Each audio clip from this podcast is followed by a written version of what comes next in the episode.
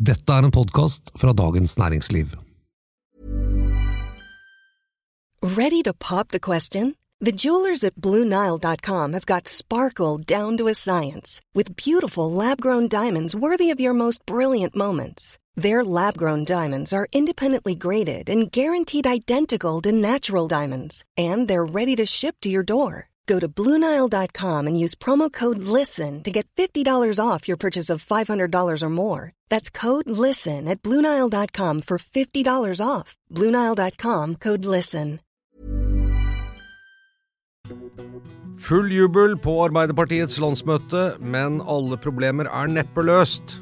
Og hvorfor er alkoholgjennomtrukne nachspiel ansett som god journalistisk metode? Dette er den politiske situasjonen. En Ja, nå gikk vi surr. Nå gikk vi surr! Men det er også en podkast fra Dagens Næringsliv. Det er det. Med politisk redaktør Fridtjof Jacobsen og meg, kommentator Eva Grinde.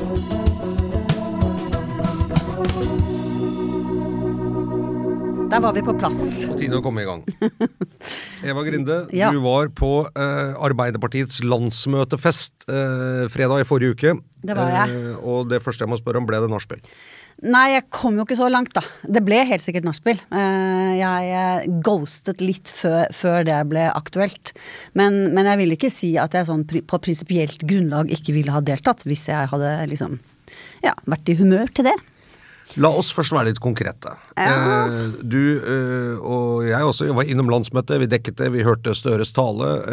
Vi var der på en måte i den formelle delen. Men så går du altså på det som heter landsmøtefesten, som ble holdt på hotellet The Hub. hvis jeg, jeg Det stemmer, ja. Ja, altså ikke inn i selve landsmøtesalen. Eh, og der er jo alle landsmøtedelegater og invitert og tilhørere og partiets ledelse og masse Arbeiderpartipolitikere og en del folk fra pressen. Det er svær middag, rett og slett. Det er sånn sit down-middag med taler og styr og stokk.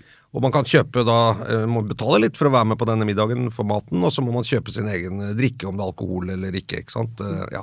Et, et, et sinnrikt bongsystem, faktisk, denne gangen. Ja. Men hvordan sitter dere?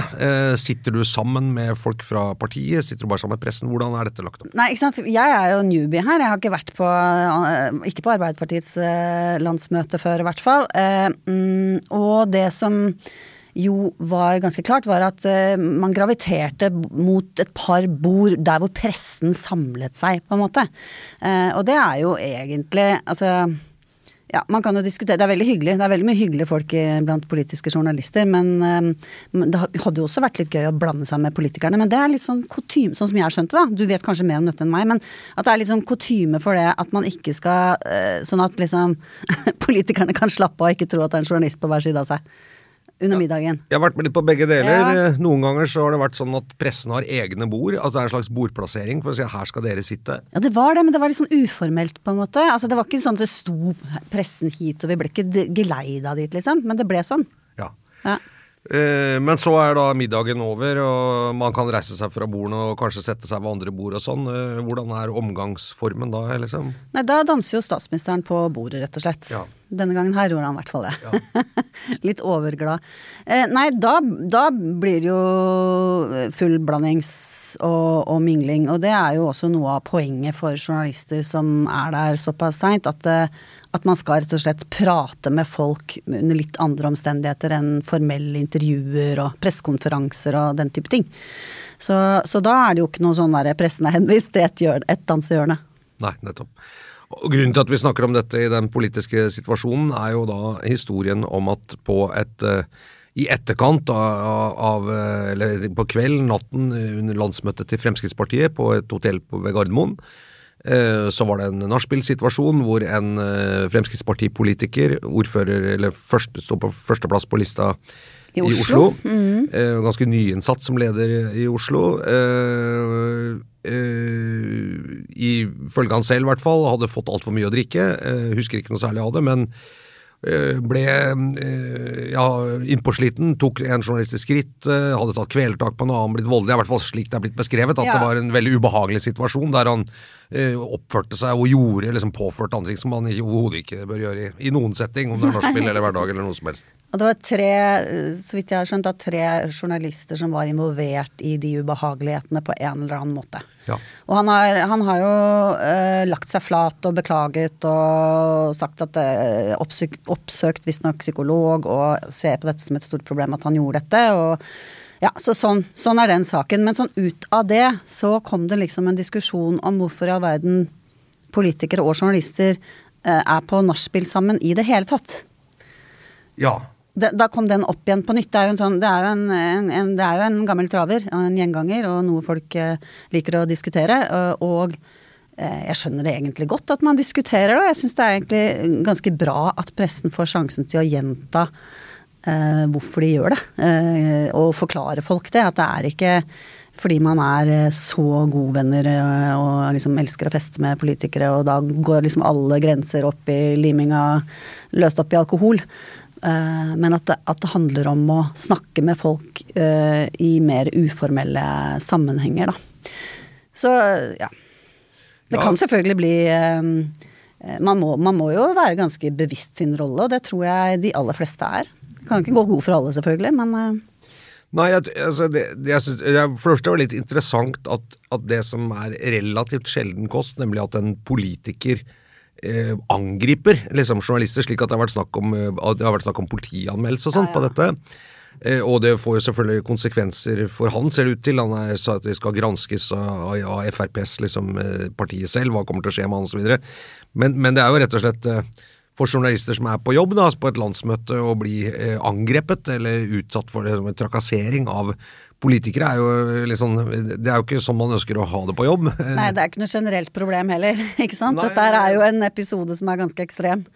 Ja, og det, og det Ikke sant. Og det, og det, er jo ikke Og det er såpass oppsiktsvekkende eh, at jeg bare syns det, det er litt rart at eh, istedenfor at man tar fatt i det som er relativt alvorlig, for det, også, altså, det høres uten å bli altfor pompøs her, med journalister som dekker et landsmøte og, og da er med på det som skjer på kvelden osv. De har jo rett til å være trygge på jobb, akkurat som deltakere på et landsmøte har rett til å være trygge for den slags type oppmerksomhet.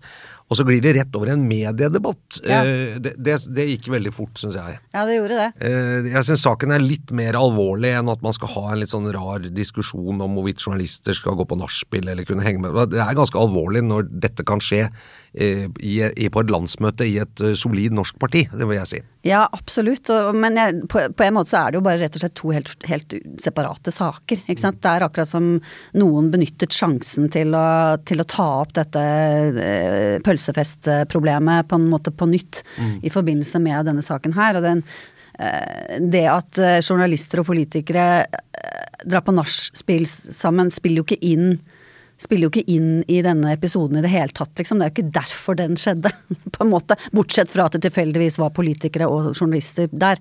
Ikke sant. Ja, nei, jeg er enig. Det, det er en rar eh, det, det, liksom, Den episoden sier ikke at nå må, nå må de slutte å feste sammen. Nei, også, men så kan Jeg syns jo vår kollega Marie Melgaard, som også er leder for Stortingets presselosje, som det heter, som er altså en organisasjon hvor de politikerne som jobber med rikspolitikk og er på Stortinget, har en egen organisasjon som skal liksom ivareta da, de politiske journalistenes uh, mulighet til å jobbe best mulig i, på Stortinget. Uh, og Der har man rettigheter så man kan bevege seg fritt. Uh, man har fått et eget adgangskort så man kan gå i, ut og inn av Stortinget uten følge, som andre ikke kan. man kan gå og banke på kontordører, man kan spise i den samme restauranten eller kantinen som stortingspolitikere og ansatte på Stortinget og rådgivere sånn gjør. Eh, for å legge til rette for at eh, Og det, ideen med dette er jo at det skal være en en uh, mest mulig åpen og utvungen kommunikasjon mellom presse og politikk, fordi man tror man mener at det er bra både for politikk og for presse og for samfunnet at det er på den måten. Ja, jeg tenker akkurat den stortingsrestauranten er jo ganske så parallell, da, i den forstand at der er det jo en slags også en sånn uskreven regel om at uh, her setter vi oss ned og snakker sammen, man kan sette seg på hvilke bord man vil. Det kommer ofte, det er jo et sånt fast pressebord uh, der journalister gjerne setter seg, og der kommer de ofte i løpet av en lunsj en par par-tre politikere innom og setter seg ned og prater. Og da er jo eh, på en måte avtalen i, i hermetegn da, at man skal, skal aldri liksom sitere direkte fra ting som blir sagt der. Men man får jo innsikt på en ny måte. Man kan, man kan tenke nye tanker fordi man har fått noe ny informasjon, og så kan man komme tilbake til saken. ikke sant? Det er jo, det er jo sånn det fungerer. Det er jo ikke sånn at det, det er jo en sjeldenhet, den der saken som oppsto på det nachspielet på Lorry i 2011, eller når det var, eh, med Telenor og Giske og osv. Det er jo veldig sjelden at liksom en svær sak skjer på et nachspiel, men det som skjer er at man blir kjent med folk, og det er lettere å ta kontakt. Begge veier, i og for seg. Mm. Ja, det, Der er jo en regel om at uh, hvis man snakker sammen, eller en politiker sier noe der, så, så, kan ikke det siteres direkte til den politikeren. Informasjonen kan selvsagt benyttes.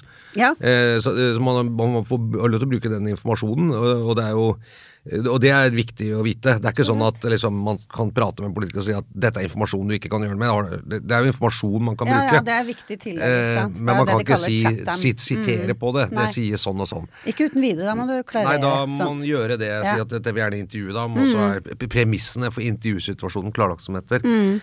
Eh, og jeg tror jo dette med nachspiel og landsmøter og sånn er en litt forlengelse av det. For, for, for politiske journalister så er jo slik at eh, hvis man dekker det, så er man, man kan se på at man er en del av en slags bransje eller en del av samfunnet hvor det selvfølgelig er eh, mange ting som foregår. Eh, det er masse informasjon som flyter, det er eh, rykter, det er tips, det er eh, vurderinger, det er analyser, eh, det er forklaringer, det er sånne ting som det er i bransjer.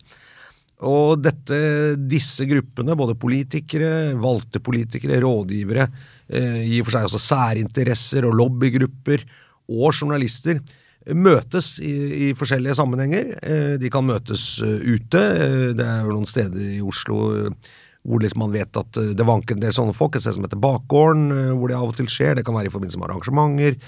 Når det har vært middag på Slottet for stortingsrepresentanter, er det jo vanlig at pressen setter seg på lorry, og så kommer politikerne dit for å, for å møte og omgås i hva man kan kalle liksom bobla. Presse og konsulentselskaper, og sist gang så var det så fullt på lorry at politikerne kom ikke inn. Det var gøy. Men, men eh, det, et særtrekk syns jeg når jeg har vært og jobba i andre land i hvert fall, eh, og sett og snakket med politiske journalister i andre land, er jo at det er en veldig uformell og åpen dialog mellom eh, det politiske miljøet og pressemiljøet i Norge. Mm. Eh, og det er en stor grad av, av liksom tillit og sånn. Om det svinger over i en misforstått kollegialitet og sånn, eh, det, det, det, tror jeg ikke. Men jeg tror det er en styrke for dekningen av politikk og på en måte for hele demokratiet at, at dette er minst mulig formalisert. At man kan omgås på helt vanlige måter. Ja, jeg tror også det er kjempemye verdi i det. Og så tror jeg i tillegg at vi ikke skal være noe redd for å snakke om det heller. Altså, tror, nettopp fordi det er sant, de der litt eh, hva skal vi kalle det, det flytende områdene hvor man, man, er sammen på en litt annen måte enn den rent formelle, så, så, det, så, kan det være greit å minne de som står utenfor og syns det ser litt rart ut, hva, hva, er dette? Hvordan tenker vi? Hvordan bevarer vi integriteten? Hvordan, hvor bevisste er vi på dette? Uh, for det, vi, jo, vi vil jo gjerne ha tillit, vi òg, journalister og Og så videre. jeg, jeg, er i og for seg ganske ny, som jeg sa, i, uh, første gang på, land, på, på, et sånt fysisk, da. Jeg var jo med på pandemilandsmøter til, til Arbeiderpartiet, men, men, men, jeg er liksom relativt ny inn i denne veldig sånn derre politikk-politikkverden, og, og, det er jo en egen det er jo en, en, litt egenartet verden, altså også blant journalister. ikke sant? Jeg har jo jobbet med veldig mange andre ting og jobbet på en annen måte. Det er, og det, det, er kjempespennende og veldig mye bra med det. Og, og viktig å hele tiden liksom gå opp linjene med seg selv på hvilken rolle man har. Jeg tror en parallell da, er jo hvis du er sportsjournalist og f.eks. Mm. dekker eh, la oss si verdenscupen i langrenn, eh, så vil du kanskje reise på veldig mange av eh, verdenscuprennene rundt omkring i verden. Eh, eller, og og det er klart, Da er man så fysisk så tett sammen med utøvere, støtteapparat, trenere, andre journalister sånn, at det å liksom holde på en sånn stiv formalitet at eh, hvis vi bor på samme hotell, så kan vi ikke liksom ta en øl i baren hvis vi vil det. Nå, nå drikker nok ikke langrennsløperne så mye øl, da, men ellers ta en prat over frokosten eller osv. Eh, men, men det andre er jo at ved å, ved å kunne komme inn i dette, så får man jo også bedre innsikt og forståelse av hva som faktisk rører seg. Mm i politikken. Mm. Bak talepunktene, bak pressekonferansene, bak det offisielle. Og det mener jeg er et journalistisk oppdrag, er jo nettopp å prøve å finne ut det. Og så, og så er det jo et dilemma det, da jeg begynte som politisk eh, kommentator og jobbe med journalistikk, så merket man at noen politikere var veldig liksom, opptatt av å eh, få deg liksom inn, knytte en kontakt, og kanskje liksom eh, få deg til å tenke, altså Ved å liksom ta deg godt imot eller være hyggelig, eller sånn, så, så tenker man ja, da vil jeg kanskje være litt mer velvillig innstilt overfor meg en gang jeg trenger det. Eh, så det må man jo ha integritet og passe på at man ikke liksom lar dette gå over i at man, at man begynner å ta hensyn eh, når man ikke skal gjøre det. Man skal alltid ta hensyn også i journalistikk, men, ja. men, men, jeg, men jeg, jeg syns dette ja, det, det er et oppkonstruert, litt sånn teoretisk problemstilling. Man må liksom se på virkeligheten, og jeg, og jeg tror at uh, hvis dette liksom hadde vært et slags rottereir med allianser og sånn, som, som enkelte ynder å beskrive det som, så, så, så, ville, så er det for mange inni det til at ikke det ville liksom blitt avslørt. Da. Ja, men samtidig så, så, tenker jeg at det er, eh, det er så, såpass eh, lite rottereir at man tåler at noen sier det òg. Da får man liksom sjansen til å vise det fram hva det egentlig er, og det tror jeg faktisk er litt viktig. Eh, for, for jeg, jeg, tror på det at det kan se litt rart ut for folk fra utsiden. Ja. Ikke sant? Og at man da må forklare hva det er som foregår. og ja. Ja. Det gjelder jo all, i og for seg all journalistikk, akkurat dette her du snakker om å bli tatt godt imot og godsnakka med. Og, Det er jo en kjent sak som at du på en måte alltid må være obs på. Ja. Det, vil jo, det vil man jo være utsatt for i enhver type journalistikk. Så. Ja, ja. Eh, men styr ble det i hvert fall. Ja, det ble det. Vi må snakke litt om selve landsmøtet til Arbeiderpartiet også. Ja, Vi har jo tatt, har jo tatt eh, desserten først, vi nå. Du, du har tulla med kjøreplanen her, Fridtjof. Ja, men det vet, jo ikke, det vet jo ikke de som hører på. nei, nå vet jeg det. men uh, vi kommer vi, vi, skal, vi skal til det. Veldig liten rolle, da. mm. Ready to pop the question? The jewelers at BlueNile.com have got sparkle down to a science with beautiful lab-grown diamonds worthy of your most brilliant moments. Their lab grown diamonds are independently graded and guaranteed identical to natural diamonds, and they're ready to ship to your door. Go to Bluenile.com and use promo code LISTEN to get $50 off your purchase of $500 or more. That's code LISTEN at Bluenile.com for $50 off. Bluenile.com code LISTEN. Planning for your next trip? Elevate your travel style with Quince. Quince has all the jet setting essentials you'll want for your next getaway, like European linen premium luggage options, buttery soft Italian leather bags, and so much more. And it's all priced at 50 to 80% less than similar brands. Plus, Quince only works with factories that use safe and ethical manufacturing practices. Pack your bags with high-quality essentials you'll be wearing for vacations to come with Quince. Go to quince.com slash trip for free shipping and 365-day returns. Nå er det jo nesten en uke siden eh, at dette landsmøtet ble prøver. Det virker jo som en evighet siden. Ja, eh, virkelig. Hvis jeg spør Målet med landsmøtet Arbeiderpartiet dominerer pressedekning, det er statsministeren, det er taler, det er vegg til vegg. Selvfølgelig Arbeiderpartiets landsmøter er store politiske hendelser. Eh, hva tror du skulle være etterlatt inntrykk? Hva var liksom Støres ønske skulle være etterlatt inntrykk etter dette landsmøtet ute i befolkningen? Samling og fornyelse. Ja. Var det ikke det? Nei, men, men, eh, et samlet Arbeiderparti og en god stemning og ja. Det tror jeg var, var, var viktig.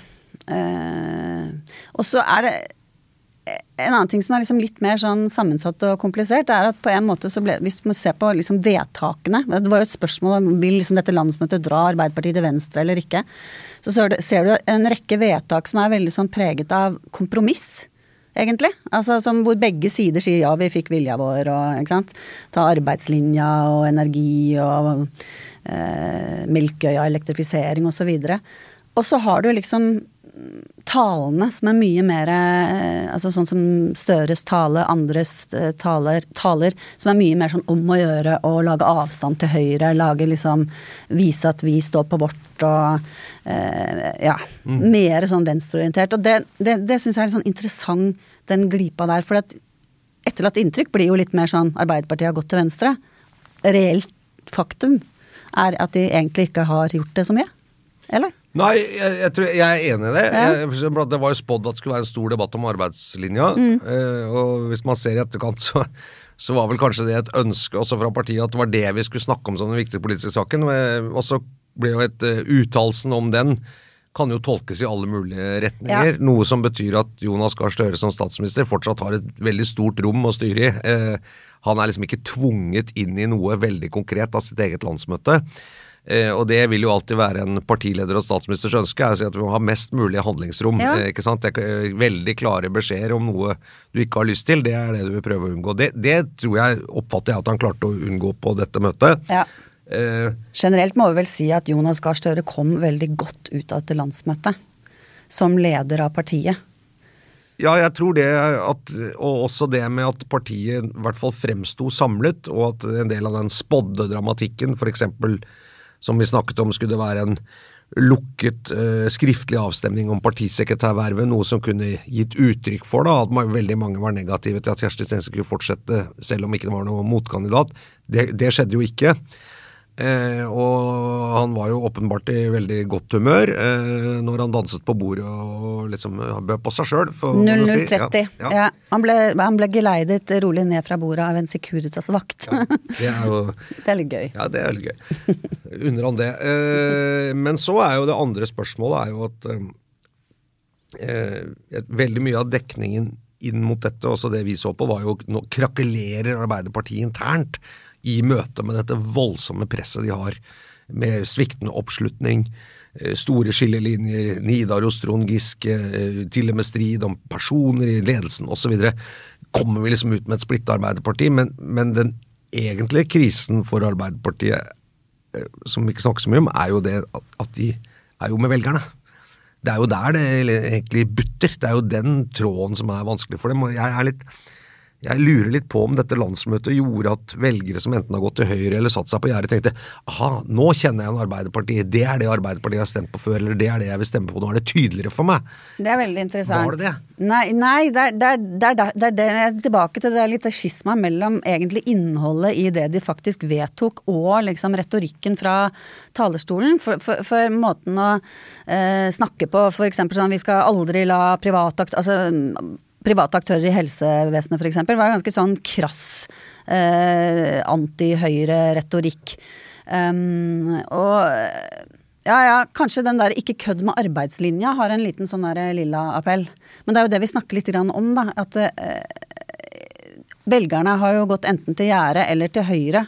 Og så står de på talerstolen og snakker mer sånn venstreorientert retorikk. Mens, eh, mens eh, de på en måte ikke kan flagge at eh, Det virker som de ikke ønsker å flagge at sakene deres faktisk er ganske moderate. Eller vedtakene deres faktisk er ganske moderate. Og, og, og kanskje har noe av den derre styringsfaktoren som, som velgerne savner, da.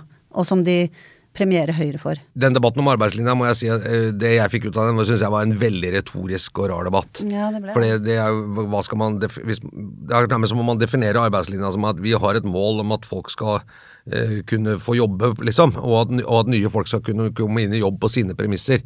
Ingen kan jo være uenig i det. Nei. Eh, Det som, som er det politiske krevende i arbeidslinja, er hvordan skal nivået på trygd og pensjon og sånn være sammenlignet med arbeid? Og, og der kan vi jo minne om dette skatteutvalget til Torvik, som går rett inn i dette og sier at han foreslår å innføre et eget fradrag for de som er i jobb, slik at de får sitte igjen med mer av inntekten sin, eh, mens de som er på trygd eller pensjon, skal få beholde det sånn som det er i dag, men man skal premiere å være i arbeid. Det vil jeg jo si, det er jo en konkretisering av arbeidslinje. Det blir større økonomisk gevinst. Du gjør det ikke verre for de andre, men du gjør det bedre for de som er i jobb. Eh, Det ble, hørte ikke jeg ble nevnt. Isteden så, så snakker man som, som LO sa, ja, alle skal kunne være i jobb, arbeid til alle. Ja, det er vel ingen uenig i. Problemet er hvor, hvor, hvor, godt skal du ha det på trygd? Det er jo egentlig det som har vært diskusjonen i arbeidslinja. Ja, Peggy Hessen Følsvik gikk jo så langt som å si at arbeidslinja er å ha mat på bordet. Og da, da er det jo også fryktelig vanskelig å være øh, uenig. Ja. Eh, så, men, men fordi at det, det derre vonde det de, det de endte opp med, var jo, var jo resolusjoner og vedtak som gikk på at ja, vi skal heve de laveste trygdene, og ja, ikke kødd med arbeidslinja. Og så var det veldig sånn om å gjøre å gå, gå sånn lang omvei rundt det og, og, og si at arbeidslinja faktisk handler om at det skal lønne seg å jobbe, som jo er den eh, Det er jo den forståelsen av arbeidslinja som har blitt kritisert. Ja. Men istedenfor så sier man liksom, som du sier, eh, arbeidslinja handler om at alle skal ha jobb. Ja, det, det, er, vi, det er vi enige i, liksom. Hvem er uenig i det? Ja, og, og, det er litt det Jeg må si at det er litt at, Og særlig at Arbeiderpartiet, som et uh, stort styringsparti, som nettopp har jo ofte utpreget seg sin historie ved å ha veldig god innsikt i grunnleggende uh, utfordringer, for å si det sånn, i samfunnet. Og i Norge har vi jo en stor utfordring med at en veldig stor del av uh, befolkningen i arbeidsfør alder står utenfor arbeidslivet, mange av dem i veldig lang tid. Enten fordi de aldri kommer inn i det, Eh, eller fordi de forlater det på et veldig tidlig tidspunkt, for så å ikke komme tilbake. Dette har vært påpekt av forskere, eh, og, og, den, og, det blir en veldig utfordring nå i takt med at, vi, at andelen nordmenn i arbeidsfør alder versus de som er på pensjon, blir jo stadig lavere, så vi må rett og slett få flere inn i arbeid. Dette har vært en ambisjon for Arbeiderpartiet, for borgerlige regjeringer, men man har ikke lykkes med det. Eh, det er ganske uendret, denne brøken. Eh, og jeg kunne kanskje forventet at hvis man skulle ha en stor debatt om arbeidslinja og dette målet at det hadde vært noe mer konkret og sammensatt.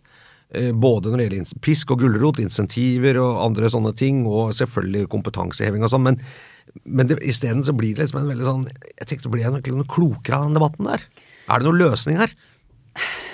Nei, sånn som det ser ut nå, så er det liksom Ja, prinsippet om at det skal lønne seg å arbeide, det holder vi ved, men vi skal heve de laveste uh, trygdene. Og, og, og, liksom i utgangspunktet kan det se ut som et paradoks, da. Mm. Fordi at det, det, det, som er liksom det vonde, er jo, er jo når, når kan en person eh, oppmuntres til å arbeide noe, eh, og når er personen helt åpenbart for syk til å jobbe. ikke sant? Sånn at eh, når er det den derre eh, gulroten med litt mer penger faktisk virker? For det er jo åpenbart riktig at den ikke virker på folk som overhodet ikke kan jobbe. Nei. Men du, hvordan skal du skille skal, skal, du på en måte skille trygdene på de som er helt avklarte, og de som, som står der med ett et bein i i, utenfor og ett bein i arbeidsmarkedet, ikke sant? Nei, det er jo vanskelig med sånne universelle ytelser. Det er jo det veldig Det er nemlig det, og derfor så blir det vanskelig å se at man kan si både ja til høyere trygder og ja til arbeidslinja. I hvert fall så er ikke det helt avklart. Men jeg mener det er, helt, det er et fair politisk standpunkt å si at eh, vi tror ikke flere folk kommer i jobb ved at vi gjør det verre å være på trygd, sånn at de får det enda dårligere, og særlig ikke nå hvor økonomien kan være anstrengt. Jeg er, litt usikker, det, tar... høy, er litt, litt usikker, på om noen på høyresida også eh, heller sier det, da. Nei, nei, Selv om nei. de blir Nei, men jeg, jeg, vet det, men det, bare, det, blir ofte sagt, da. Ja, det, men det er jo bare ja. sånn uh, ja. Det, blir, det, er, det er jo litt veldig sånn politisk. Ja, men, uh, og det ble jo sikkert også nevnt der. Men det, men det, har jo vært fremme og sagt vi må gjøre det mindre lukrativt vi må senke trygdesatsene for å øke premien med å være i jobb. Men det er, det er ikke den veien vi vil gå. Men hva skal dere gjøre da? Mm. Eh, og, og, det at Hvis de kommer ut og sier ja, vi er for arbeidslinja, og vi lover at vi ikke skal senke liksom, trygder og pensjoner eh, det, det, han snakket om da var jo, altså. ja, det han snakket om da var jo litt mer sånne ting som ikke lar seg helt styre. Men det er sånn veldig organisert arbeidsliv f.eks. vil jo Men det kan, ikke, det kan på en måte ikke vedtas på Arbeiderpartiets landsmøte at flere skal organisere seg og at man skal få gjennomslag for høyere lønn Men det ble bl.a. vist til at det er jo en måte vi, vi holder eh, ja, et decent nivå oppe. Ja, og så blir det vist til noen bevilgninger, og at man skal satse mer på yrkesfag, og kanskje gjøre noe med det løpet, utdanningsløpet på yrkesfag osv. Det er mer sånne langsiktige, da. Ja, men, og det er ganske sånn, det er litt mer av det samme. ikke sant? Man sier ja, vi, vi, de prøvde, de fikk det ikke til, vi skal gjøre det enda mer osv. Men, men når dette har vært et problem jeg tror, i nesten 20 år, ikke sant? Eh, veldig, altså oppsiktsvekkende og nesten helt forferdelig stor andel av yrkesaktiv befolkning står utenfor, eller eh, av de, de, som kunne vært det, står utenfor. Hvor er partiet som tør å liksom komme med et større, mer sånn nytenkende grep, hvordan man skal gjøre det? Og man kan godt ta av liksom pisken, vi, sa vi legger pisken vekk. Jeg syns jo Torvik-utvalgets uh, intensjon, dette med et eget arbeidsfradrag, det er jo ikke helt uh, det, vil, det vil jo øke forskjellen mellom de som jobber og de som er på trygd, men det vil jo ikke hvis det blir praktisert riktig, ikke redusere liksom livskvaliteten for de som er på trygd. Men det vil være gulrot, da. Det må ha vært blant, blant eh, yrker med lavere lønn, eller alle, alle Ja, det var opp til et visst, alle, opp til et visst nivå. Ja. Fradraget er størst liksom på, i et visst sånn bracket, kan du si. Altså, ja. er det ikke så veldig stort nederst og ikke så veldig stort øverst, men, men for ganske mange vanlige inntekter så ville det betydd noe, da. Ikke sant? Mm. Ja.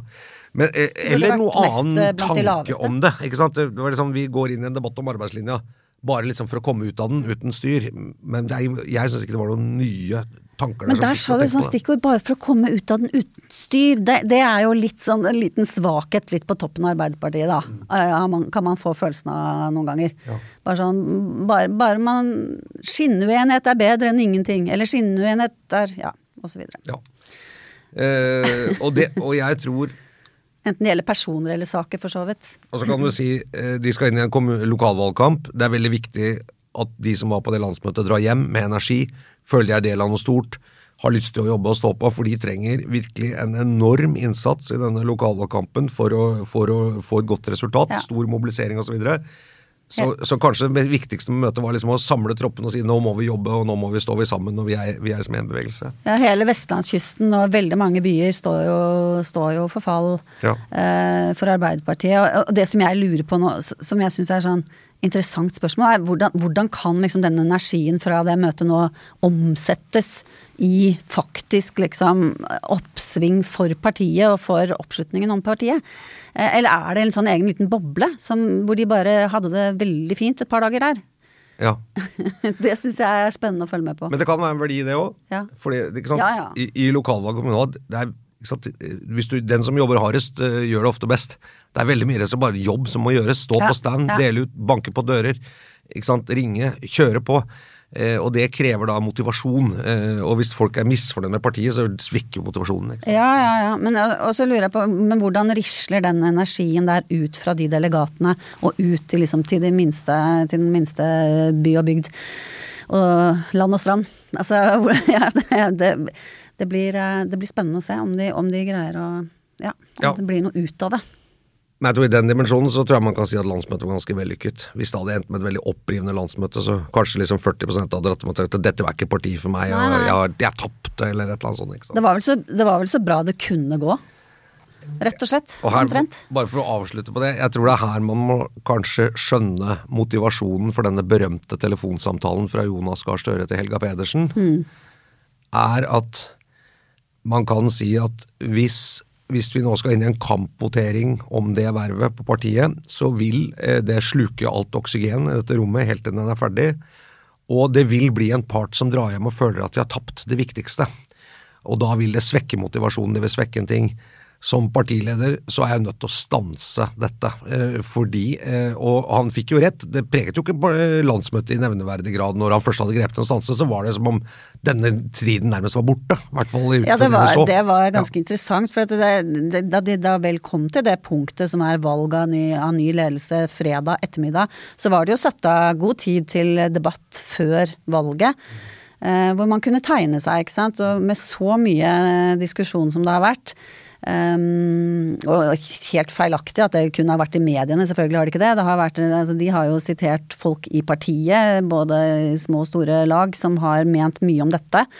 Um, så var det én representant som uh, tok ordet, og man kunne underveis under, det, under den uh, talen der få liksom følelsen at hun kom til å be om skriftlig votering, som da ville betydd liksom hemmelig avstemning, og at man da ville få sånne blanke stemmer osv. Men hun, uh, hun liksom la det opp til det, og så konkluderte hun motsatte. Vi støtter opp om Støre. Så det var den. Altså jeg, jeg tror, og jeg skal ikke ha noen synspunkter på liksom om det er demokratisk eller ikke, det får Arbeiderpartiet finne ut av selv, om de er komfortable med dette, men jeg tror bare sånn politisk og operativt så tror jeg denne samtalen fra Støre til Helga Pedersen eh, eh, nok kan ha vist seg at det var eh, Kanskje eh, et dristig, men tror jeg kan ha vist seg å ha vært et veldig klokt grep av når man så hvordan landsmøtet forløp. Og så vil kanskje dette boble opp igjen ved en senere anledning. Men han fikk i hvert fall reddet på en måte harmonien på dette landsmøtet, mener det, og tok det der greiene på forhånd, tror jeg. Men Fridtjof han sa jo ingenting om det. Han spurte bare «Er- stemmer det at du skal stille, jeg bare ønsker å vite det. Jeg har ikke sagt hva han sa, jeg bare sa at samtalen hadde effekt. Ja, ja, ja men altså, for det, den la dette dødt, øh, og det øh, Jeg tror kanskje man ser at ja, kanskje ikke det Ja, det var brutalt, men det er nå sånn det er for partiledere av og til. Men brutalt tror jeg det var, det var og i hvert fall ble oppfattet sånn fra Helga Pedersen, og det, det tror jeg også det var, men, øh, men jeg tror det kan ha vist seg å være klokere enn det mange trodde akkurat i de dagene etterpå. Det kan jo, ja absolutt. Og så kan det være i liten kombinasjon med at hun kanskje ikke var så sikker på hvor hun sto. Altså, det var uklart eh, hvilken støtte hun ville hatt, da. Men at det ville tatt eh, en masse oppmerksomhet, det er det i hvert fall ingen tvil om. Ja, men Hadde hun fått 30% så hadde det allikevel vært et slags splittelse i det møtet. ikke sant? Eh, Selv om hun ikke hadde vunnet, så, så ville det liksom handlet om Men det er jo interessant, for det er, den splittelsen ligger jo under det her. Så Arbeiderpartiet er jo ganske suverene med å, å liksom bare legge lokket på, slutte rekkene og hoppe de er, de er gode på det, altså. For plutselig så var det ingen som hadde behov for å ta ordet lenger. Nei, men Det er kjempeinteressant. Du har jo skrevet mye om ledelse, men altså at det er forskjellige miljøer og kamp internt i organisasjoner eller bedrifter eller store næringsliv, det er jo ganske kjent, men leders oppgave er jo å prøve å liksom få det til å gå framover uansett. ja. ja, da, ja, ja både òg. Men- sant. men du må vinne, alle, da. og du, du må vinne, og så, du, så, er det heller, så er det også en leders oppgave å få, få, fram, få fram det som faktisk eksisterer. Det kan jo komme i rekyl, ikke sant. Og det, det har jo kanskje dette partiet slitt med i flere omganger, da. Det er sant. Det er sant. Eh, ja, The jury is still out uh, her i den politiske situasjonen. Det er en podkast fra Dagens Næringsliv om politikk. Uh, neste uke er det en drøss med røde dager. Det er nasjonaldag, det er Kristi himmelfart osv. osv. Så, så vi får se hvordan vi Ja. klarer å skru sammen noen podkast Særlig den siden jeg er i. Istanbul. Ja, det er du også.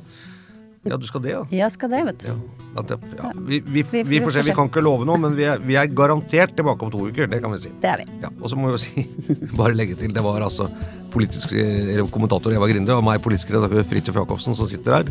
Produsenten heter Gunnar Bløndal.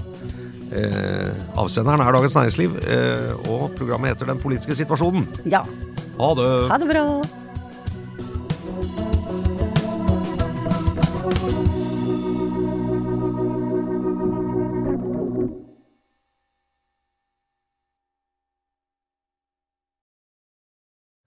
Du har nå hørt en podkast fra Dagens Næringsliv.